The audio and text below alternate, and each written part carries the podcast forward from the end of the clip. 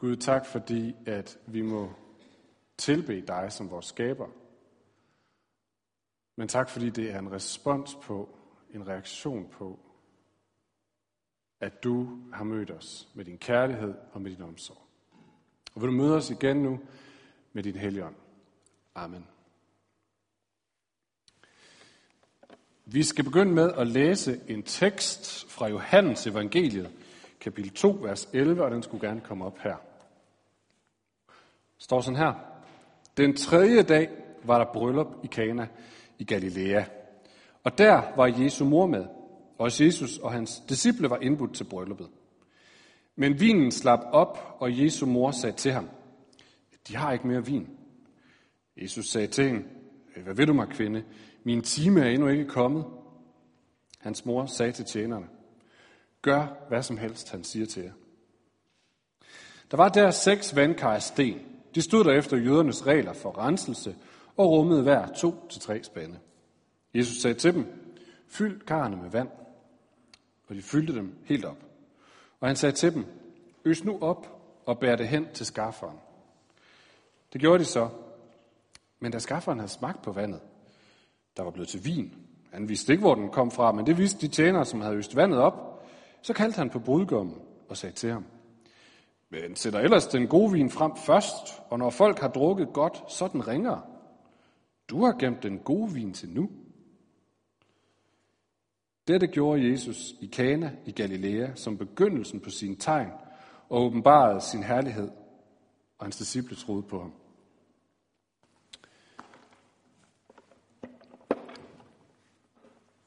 Jeg begynder lige et andet sted. Øh, jeg synes, jeg er faldet over mange af de her videoer på det sidste. Jeg så, øh, jeg så øh, et afsnit af X-Factor sidste fredag, for første gang i lang tid. Jeg ved godt, jeg er bagefter. Øh, men den mindede mig bare om de her videoer, jeg synes, der florerer, hvor det handler som regel om en eller anden helt almindelig, gennemsnitlig, måske lidt intetsigende person, måske et barn, som alle griner lidt af, og så pludselig øh, begynder vedkommende at synge eller et eller andet, og så står alle sammen, ah! og så er der en eller anden underskrift, hvor der står, de grinede alle sammen af ham, indtil han åbnede munden. Har I set dem? Ja. Dem, øh, dem synes jeg, der er en del af. Jeg håber lidt, at når vi øh, får stukket næsen ned i den her tekst, så får vi lidt den samme oplevelse. Jeg håber faktisk, at hen over de næste tre gudstjenester, vi har, at vi får lidt den samme oplevelse. Alle tre søndage er sådan lidt en gammel standardtekst om Jesus. Lidt ligesom den her, mange af os kender den, smiler måske lidt sådan genkendelsens smil. Det var hyggeligt, den kender vi godt. Jeg håber, at når vi stikker næsen ned i det, så får vi den der... Fordi teksterne har det til fælles, at de afslører noget om, hvem vores Gud er. Simpelthen. Og det burde måske egentlig lige få vores kæbe til at falde ned, ikke? Vi lige får et glimt af Gud.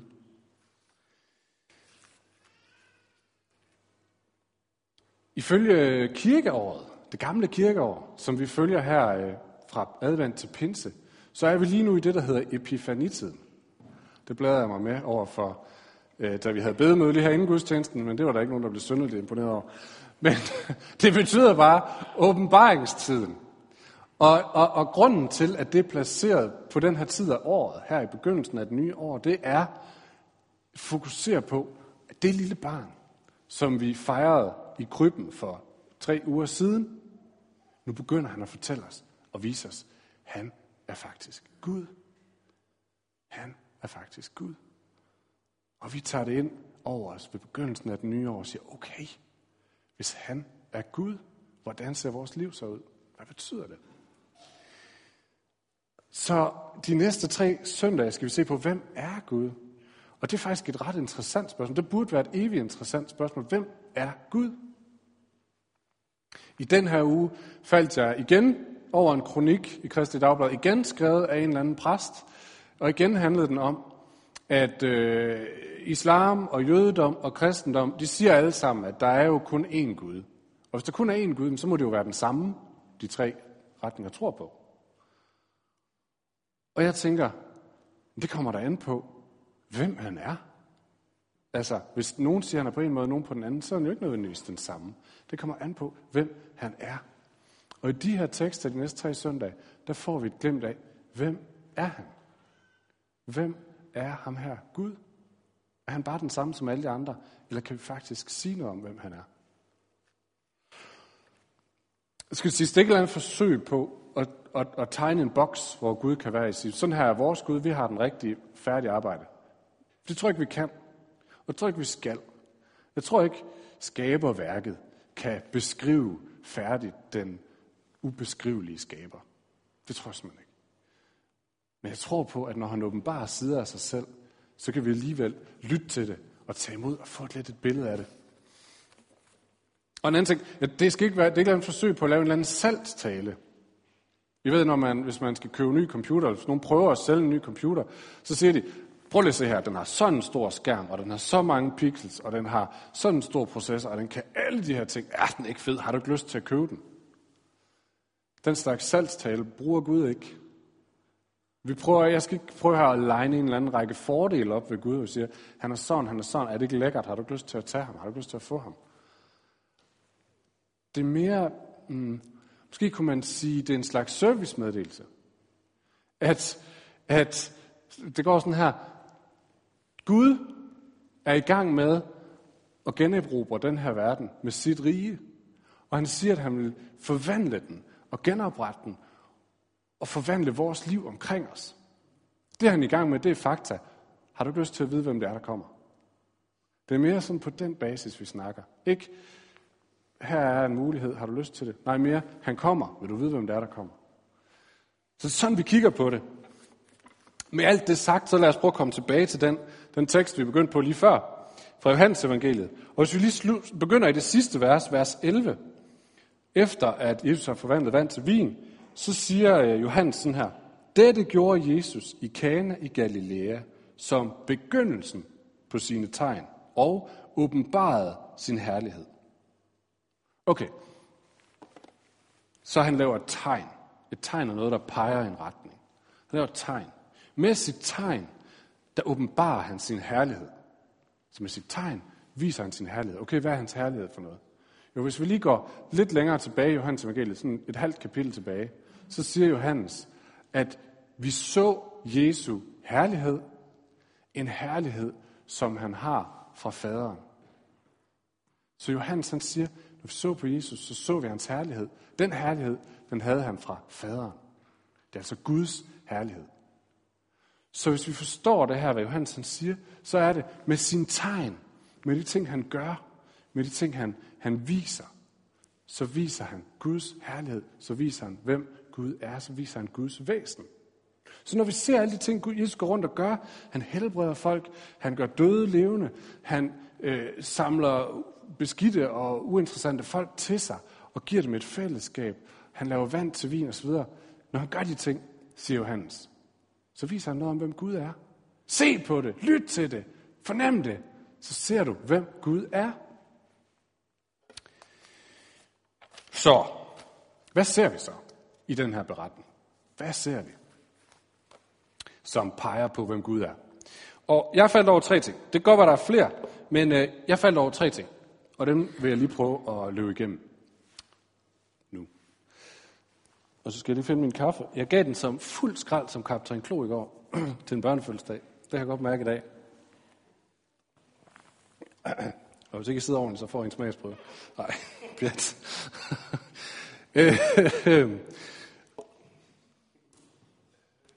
Tre ting i den her beretning, tegnet Jesus gør, som åbenbarer noget af Guds væsen. Og den første er, Jesus er en stor tilhænger. Vores Gud er en stor tilhænger af fest og glæde. Jeg havde overvejet, at man skulle kalde det punkt, Jesus er en festabe. Og så igen, så virkede det sådan en lille smule upassende. Så det blev ved Jesus, vores Gud, er en stor tilhænger af fest og glæde. Øhm, Sætningen er, at Jesus er til fest. Det er en stor fest. Der er masser af mennesker input, sandsynligvis. Der er masser af mad, der er vin, der er small talk, der er dybe snakke, der er gang i den, der er nogen, der danser, der er måske noget musik herover, og der er virkelig gang i den. Og så på et tidspunkt går der op for nogen herover, at vi har vist lige poppet den sidste vin. Og de begynder sådan at gå rundt. I kan godt se det for jer sådan rundt i kronen og lige notche værterne og sige, hvad, øh, havde I mere vin end det, der stod herovre? Og det, har I kigget i kælderen? Ja, vi har kigget i kælderen. Har I kigget på loftet? Ja, vi har kigget på loftet. Der var ikke mere. Øh, det er ikke så. Jesu mor, i kender godt den slags møder, ikke? Hun har luret, hvad der er gang i derovre. Så hun går lige over til Jesus og siger, hun, Jesus, er du opmærksom på, der er ikke mere vin? Og havde jeg ikke været, øh, havde jeg ikke kendt den her historie før, så tror jeg, jeg havde forventet, at Jesus, som den gode, fromme kristne han er, havde sagt, det er nok også fint nok. Jeg tror, de har fået det, de skal have. Jeg tror, vi går over til kaffe herfra. Men det er nok sådan en kulturting, at det var det, jeg forventede. Sådan en eller anden fornemmelse af, at, at, at når Jesus kommer ind i rummet, så handler det om seriøse ting. Så er det ikke det der fise ballade. Og så får jeg, jeg ved ikke, om I kender situationen til en, en, en cellegruppe, eller en bibelstudiegruppe, eller klønge, eller hvad man nu kalder det. Man sidder, man spiser, man hygger sig, man snakker om løst og fast, og griner sammen, indtil der er en, der siger, Nå, men vi skal nok også til at til det. Underforstået, vi må hellere sætte os hen, og så blive seriøse, og så åbne vores bibel. En eller anden forestilling om, det er sådan, når Jesus kommer, så bliver det seriøst. Og jeg tror virkelig, Jesus er seriøs. Og jeg tror virkelig, han dealer med seriøse ting. Det er slet ikke det. Men når man læser evangelierne, så sker det næsten altid i en ramme af fest og af glæde. Der er mennesker, der er mad, der er bål, der er kumbaya på gitaren, og så er der snakke. Der er ikke, en, der er ikke det der skæld. Og det er lidt sjovt, ikke? Det er det, det første tegn. Med sit tegn afslører han Guds væsen. Det første tegn, han afslører om Guds væsen, det er, Gud bakker op om fest. Gud bakker op om glæde. Det er da fedt. Og hvis vi læser tilbage igennem det gamle testamente, det er jo ikke tid til at gøre en masse nu, men hvis man nu gjorde, så vil man se, at det er et tema, der går igen og igen. Hver gang Gud gør noget i folket i det gamle testamente, så er der glæde. Så er der glæde. Bare gå helt tilbage til skabelsen. Så står der, at Gud skabte sol og månen og satte dem på himlen. Hvorfor? Jo, for at minde om tider til fest og til hverdag. Som et skaberværk, som hele verden, universet er indrettet til at minde os om, det er tid til at feste. Det er tid til at glæde sig. Og, øh, og bare lige for at skyde den der, øh, den der cellegruppe billede, jeg lige brugte ned, så er der en fortælling også fra det gamle testamente, fra Nehemias bog, en af profeterne, hvor øh, folket er kommet tilbage efter at have været i eksil i udlandet i mange år, og nu finder de en bibel frem, og de får læst den højt for sig. Og så står der, at de sætter sig ned for at græde. Fordi de kan se, hvor langt deres liv er kommet fra Guds, øh, Guds øh, standarder eller Guds ord. Øh, det er blevet seriøst, det her. Og så siger Nehemiah sådan her, nej nej, gå hen og spis fede retter. Drik sød vin og send noget til dem, der ikke har noget. Vær ikke bedrøvet, for glæde i Herren er jeres styrke. Når Gud gør noget, der hvor Gud er, der er der glæde, for vi er skabt til glæde. Det er ikke et andet forsøg på at sige, at hvis ikke vi er glade, så passer vi ikke ind, eller der er kun glade tider. Slet ikke, fordi Gud er også realist. Men vi skal alligevel vide fra det her billede, at Guds intention for os, hans vilje for os, der hvor han gerne vil bringe os hen, om ikke nu, så en dag, det handler om glæde, det handler om fest. Sådan er vores far. Jeg er til at snakke snakket med folk, som har forladt øh, troen på Gud. Og flere har sagt, at det er fordi, de oplevede det som et tørt, glædesløst, livsfornægtende sted. Hvis det er rigtigt, så er der noget, vi har misforstået. Simpelthen. Så Jesus svarer ikke nej, øh, da, da Maria kommer og siger, at der ikke er mere vin. Tværtimod, så ser han brudeparets behov, og så handler han på det, så gør han noget ved det. Og det fortæller noget mere om, hvem vores Gud er. At han er en Gud, som er Gud, som har omsorg for alle sider i livet. Altså helt ærligt, det her med vin til et bryllup, det er lidt en minor detail, synes jeg, sådan i det store billede. Altså, det er en lille sideting. Jeg ved godt, jeg ved godt, at øh, i en mellemøstlig kultur og ære og skam osv., der har det her sikkert været en større ting. Familien har tabt ære på det her spørgsmål. Men stadigvæk, Jeg synes, vi er inde i minor categories. Altså, behøver Gud tage sig af den slags? Er han ikke kun for de helt store ting? Jeg synes, det her billede siger noget andet. Jeg sad, øh, den, som nogle af jer ved, så er jeg også ansat ned i fængslet. Og jeg sad og snakkede med en indsat den anden dag, og fik fortalt hele hans øh, tragiske livshistorie. Og på et tidspunkt, så stillede jeg ham spørgsmål. Øh, det er måske et underligt spørgsmål for dig, det her, men hvor var Gud midt i alt det her? Og han øh, kiggede sådan lidt, tænkte lidt, og sagde nej, det ved jeg ikke, du, jeg, øhm, jeg tror ikke, han, han var der nok ikke lige, eller han var, han var der nok ikke. Og så kiggede jeg på ham, så sagde jeg, jeg tror nok noget andet. Jeg tror, at Gud var helt nær. Og jeg tror, at Gud var meget opmærksom på dine behov. Og den her historie er en af dem, der er med til at fortælle, at det er sådan, Gud er. Så kan man selvfølgelig overveje, at det så ikke kun, er han ikke kun opmærksom på vores behov, når det er noget, der er blevet påført os. Altså, når det er andres skyld, at vi er i behov, det er stakkels, det er synd for os. Hvad nu, hvis vi selv har rodet os ud i noget? Igen det her billede. Det her brudepar, de havde alt mulighed for at have haft vin nok. Altså, der er en tradition for at holde fester i det folkeslag. Så de kunne godt beregne 200 mand, 8 dage, det giver så mange flasker vin. De har simpelthen ikke lavet deres forarbejde godt nok. Det er deres egen skyld, de sidder i suppedasen. Så burde Jesus ikke have sagt, well, så kan I lære det til næste gang. Nej, nej, nej. Han stopper op og siger, det er jeres egen skyld. Men ved I hvad? Vi laver der bare noget mere.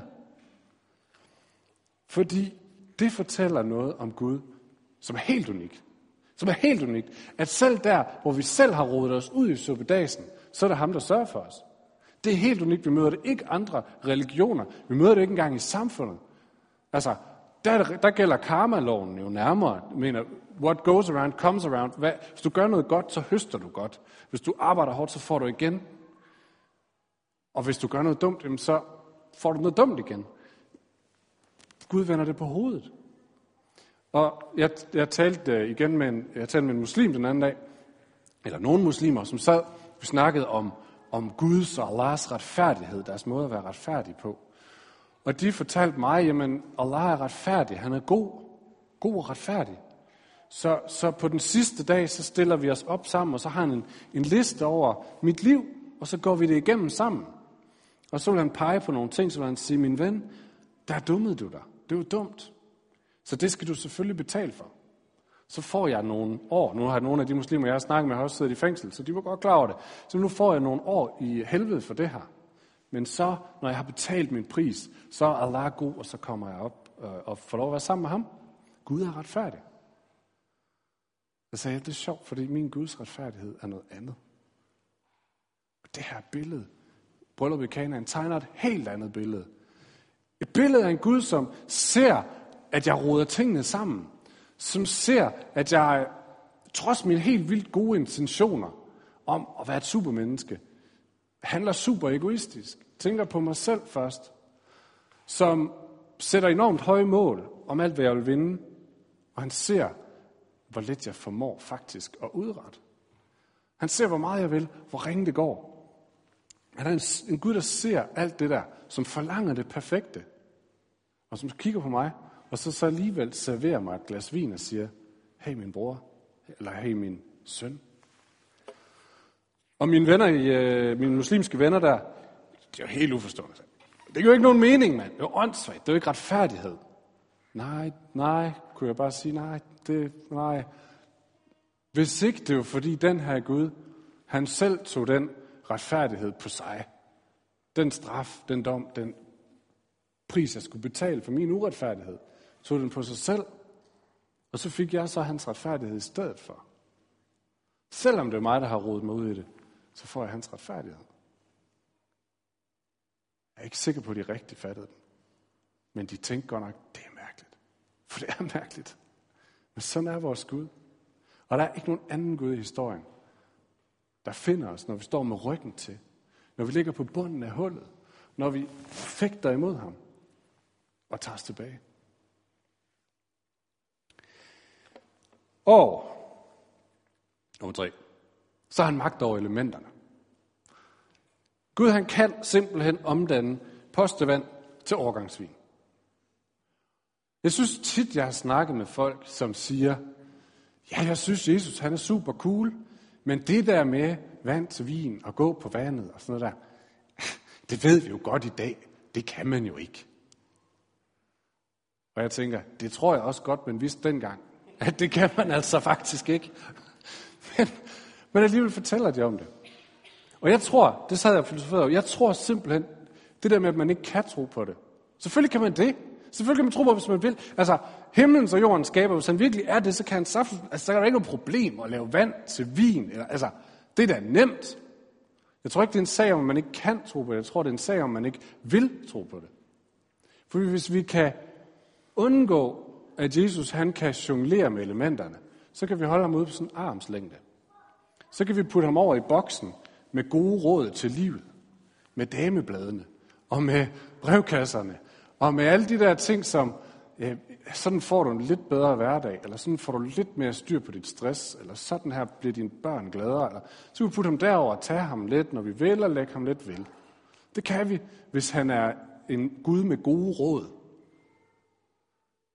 Men hvis han jonglerer med elementerne, hvis han laver vand til vin, hvis han rejser døde op, hvis han helbreder syge, hvis han går på vandet, så kan vi ikke holde ham derude i en armslængde. Så kommer han helt tæt på, og så tager han ikke gode råd. Så har han gode nyheder. Så gør han ikke mit liv en lille smule lettere at leve. Eller sådan noget. Nej, så giver han mig et nyt liv, så forvandler han det hele. Så bytter han op og ned på, hvad der er håb og hvad der er glæde, og så skaber han fuldstændig nye muligheder for folk. Det er lidt alt eller intet. Det er ikke sådan, ja, han er lidt, lidt hyggelig en gang imellem. Nej, enten så er han en Gud, der totalt overstyrer, hvad jeg fatter. Eller også så er han ikke en ski. Der er de to muligheder. Og det er også grunden på det. Det synes jeg er dejligt. Det er der måske nogle mænd, der er enige med mig i. Øh, og måske også nogle kvinder. Skal ikke lave nogen forskel. Det her, det synes jeg er dejligt. Det her, det fortæller os, at tro har ikke en klap med følelser at gøre. Ikke en klap. Fordi hvis Gud han er sådan en Gud, der kan tage elementerne og smide rundt med dem, forvandle vand til vin, gå på vandet, få døde til at stå op, så kommer han, uanset om jeg føler det eller ej. Det er fløjtende ligegyldigt, hvad jeg føler. Han kommer bare rullende. Så kan jeg tage imod det eller lade være. Sådan er han. Følelser. Jamen, så kan det godt være, at det føles fint at komme i kontakt med vores himmelske far, og at det glæder mig, og at han kan få lov til at reparere noget inden i mig, som er gået i stykker. Men det er ikke lige det, det første omgang står og falder med. Så er det mere et spørgsmål, er jeg klar, når stenen kommer, eller er jeg ikke? Sådan er han. Og det synes jeg faktisk er fedt. Fordi prøv så handler mit liv ikke længere så meget om, om hvad føler jeg lige i dag? Føles det rigtigt? Føles det forkert? Eller hvordan får jeg lidt mere udnyttet mit potentiale?